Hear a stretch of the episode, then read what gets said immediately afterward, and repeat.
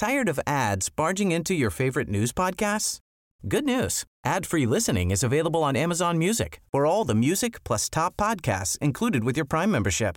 Stay up to date on everything newsworthy by downloading the Amazon Music app for free or go to amazon.com slash news ad free. That's amazon.com slash news ad free to catch up on the latest episodes without the ads. As a person with a very deep voice, I'm hired all the time for advertising campaigns. But a deep voice doesn't sell B2B, and advertising on the wrong platform doesn't sell B2B either. That's why, if you're a B2B marketer, you should use LinkedIn ads. LinkedIn has the targeting capabilities to help you reach the world's largest professional audience. That's right, over 70 million decision makers all in one place. All the big wigs, then medium wigs, also small wigs who are on the path to becoming big wigs. Okay, that's enough about wigs. LinkedIn ads allows you to focus on getting your B2B message to the right people. So, does that mean you should use ads on LinkedIn instead of hiring me, the man with the deepest voice in the world? Yes. Yes, it does. Get started today and see why LinkedIn is the place to be to be. We'll even give you a $100 credit on your next campaign. Go to linkedin.com slash results to claim your credit. That's linkedin.com slash results. Terms and conditions apply. Tired of ads barging into your favorite news podcasts? Good news. Ad-free listening is available on Amazon Music for all the music plus top podcasts included with your Prime membership. Stay up to date on everything newsworthy by downloading the Amazon Music app for free or go to amazon.com slash news ad free. That's amazon.com slash news ad free to catch up on the latest episodes without the ads. Du lyssnar på GVS ljudböcker.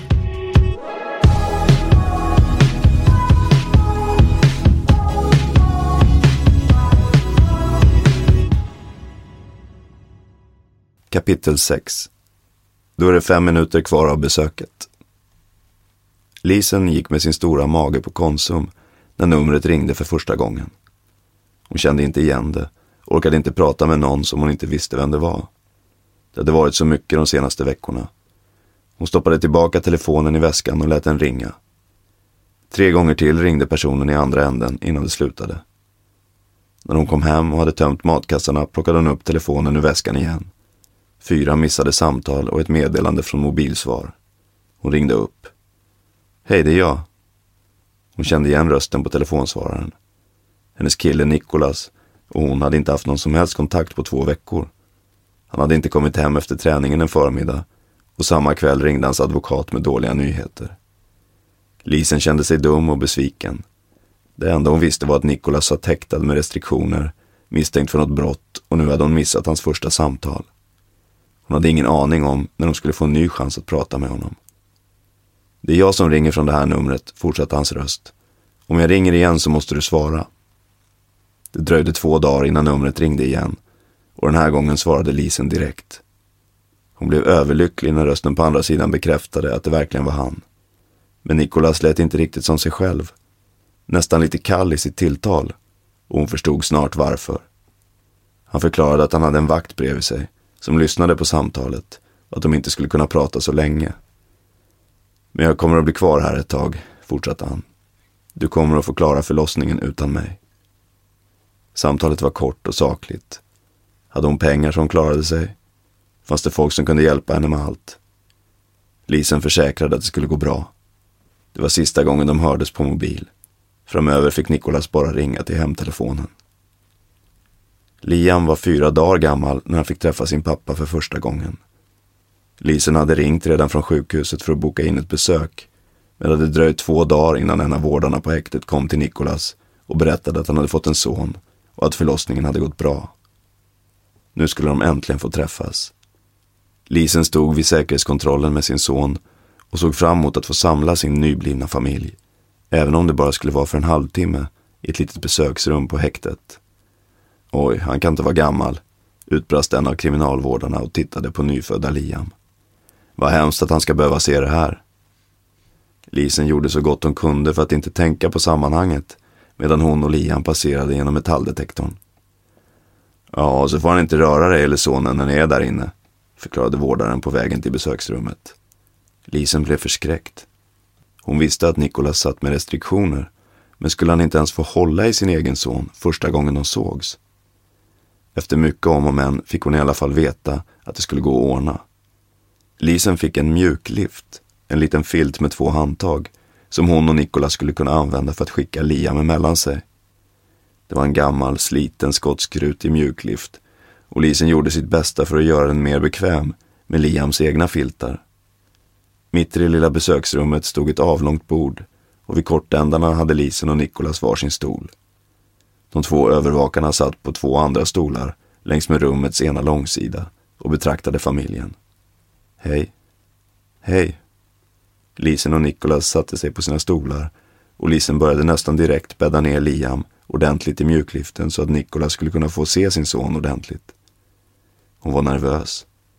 Tänk om Liam skulle tycka att allt var obehagligt och börja skrika. Tänk om det inte skulle gå bra. Hon hade bara varit mamma i fyra dagar och hade allt annat än stenkoll. Vad skulle de iakttagande blickarna tycka om hennes sätt att hantera sin son? Bordet var ganska långt och det var inte helt lätt att räcka över mjukliften till andra sidan. De två föräldrarna ställde sig upp och sträckte sig försiktigt och långsamt över bordet. De försökte hålla fyra dagar gamla Liam så stilla som det bara var möjligt för att han inte skulle ana oråd. Vid något tillfälle i överlämningsögonblicket rörde deras fingrar vid varann, vilket en av vakterna var kvick med att notera. Inget mer sånt, då avbryter vi besöket, markerade han. Nikolas visade aldrig några känslor under de bevakade besöken. Han ville inte visa sig sårbar inför vakterna. Men Lisen såg att han fick tårar i ögonen när Liam väl låg på bordet precis framför honom. Samtidigt visste Nikolas inte riktigt hur han skulle bete sig. Liam sov i sina filtar. Skulle han våga plocka upp honom? Shit, han är ju min, utbrast Nikolas efter en kort tystnad och tog tag i den slumrande lille krabaten som genast vaknade och började gnälla. Stundens allvar i kombination med det ansträngda sammanhanget gjorde hela situationen smått absurd. Fan vad tjock han är, skämtade Nikolas och Lisen skrattade. Han borde banta. Liam slutade inte gnälla och hans föräldrar gjorde snart om överlämningsproceduren så att Lisen skulle kunna amma honom. Obekväm med situationen satte hon sig i ett hörn med ryggen mot rummet. Hon sneglade över axeln bort mot Nikolas som satt kvar på sin stol och de satt så och pratade en stund. Lisen hade svårt att öppna upp sig och hon tyckte att tanken på att de två främlingarna skulle få ta del av hennes privatliv var obehaglig. Hon ville inte ge dem något att prata om på fikarasten efteråt. Nikolas visste hur han skulle bete sig för att klara av situationen och var mest tyst. Lisen tog efter och sa inte heller särskilt mycket. Då är det fem minuter kvar av besöket, meddelade en av vakterna plötsligt. Lisen visste inte vad hon skulle säga. Det kanske var dags att runda av. Vad fint det var att se dig, sa hon innan hon gick. Veckorna efter förlossningen kunde Lisen skicka flera brev om dagen till Nikolas. Så fort hon hade en stund över satte hon sig ner och skrev. Hon visste att åklagaren skulle läsa igenom alla brev så länge Nikolas satt med restriktioner och hon höll sig konsekvent borta från det personliga. Det blev mycket, idag har jag gått och handlat eller nu ska vi gå på promenad. När restriktionerna släpptes bytte hon ton. För första gången på nästan två månader kunde hon berätta helt öppet och ärligt om sina känslor för Nikolas. Utan att någon annan än han fick ta del av dem. Äntligen kunde hon skriva hur mycket hon saknade honom. Nikolas skrev också brev.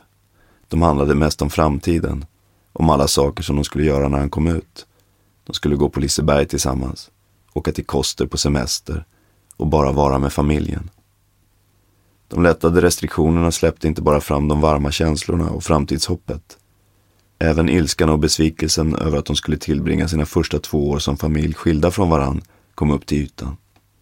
Det syntes kanske inte så mycket i breven, men vissa av telefonsamtalen blev kortare än vanligt. Du kan inte göra någonting för att hjälpa till ändå, förklarade Lisen utmattat innan hon la på i örat på Nikolas. Fast de dåliga stunderna hörde ändå till undantagen och nästa dag var den kärleksfulla tonen oftast tillbaka. Lisen försökte se till att vara hemma så mycket som möjligt och fick ont i magen så fort hon åkte hemifrån eftersom hon riskerade att missa ett samtal. En dag när hon kom upp från tvättstugan hörde hon telefonen ringa i trappuppgången.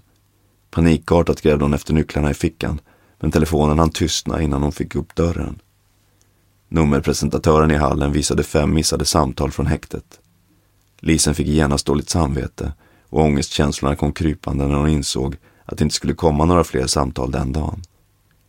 Hon visste aldrig när han skulle få chansen att höra av sig igen. Hur stor besvikelsen än kunde växa sig vissa dagar och hur obekväma besöken på häktena än var, så var Lisen alltid glad när hon och Liam fick komma på besök. Telefonköerna inför varje besök var alltid väl värda den där halvtimmen de fick tillsammans. När domen hade fallit och det så småningom blev dags för första besöket på anstalt var förväntningarna stora.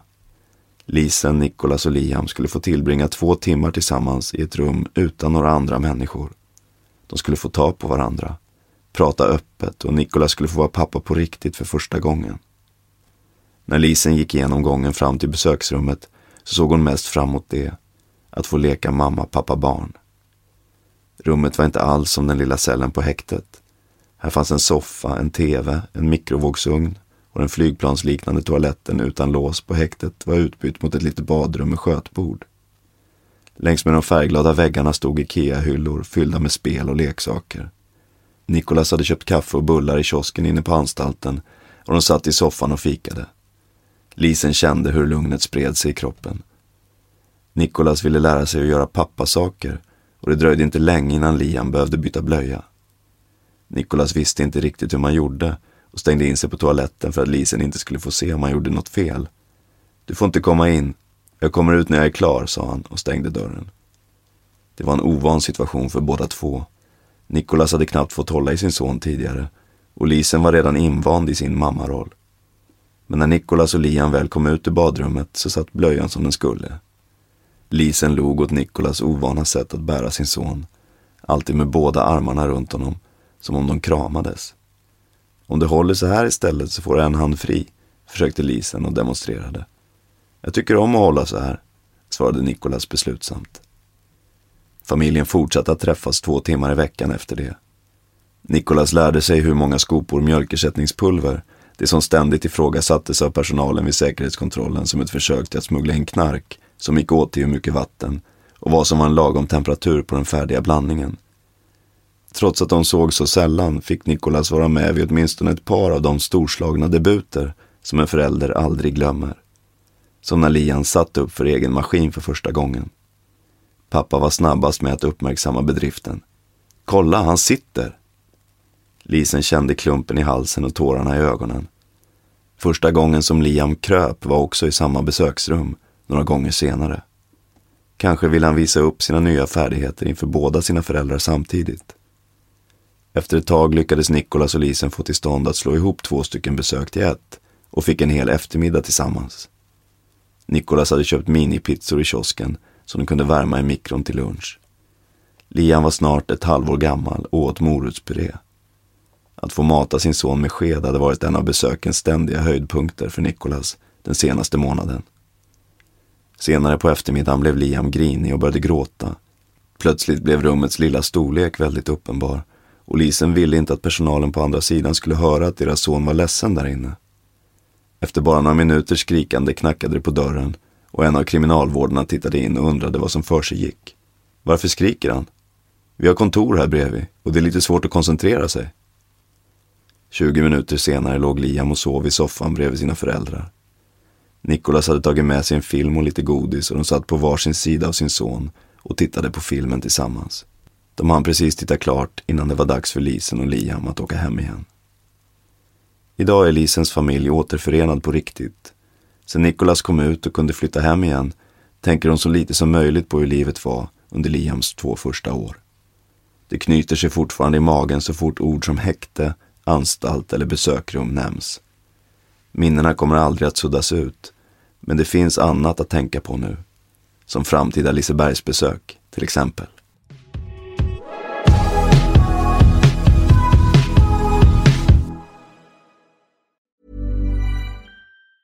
Tired of ads barging into your favorite news podcasts? Good news. Ad-free listening is available on Amazon Music for all the music plus top podcasts included with your Prime membership.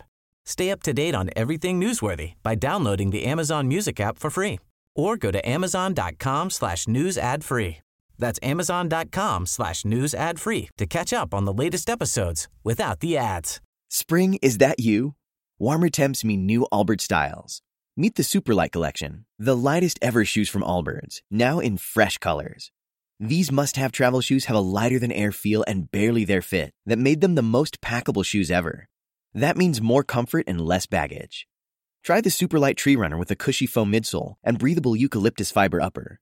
Plus, they're comfy right out of the box. So, what can you do in a Superlight shoe? What can't you do is the better question. And because they're super packable, the real question is where are you taking them? Experience how Allbirds redefines comfort. Visit allbirds.com and use code SUPER24 for a free pair of socks with a purchase of $48 or more. That's A L L B I R D S.com code SUPER24.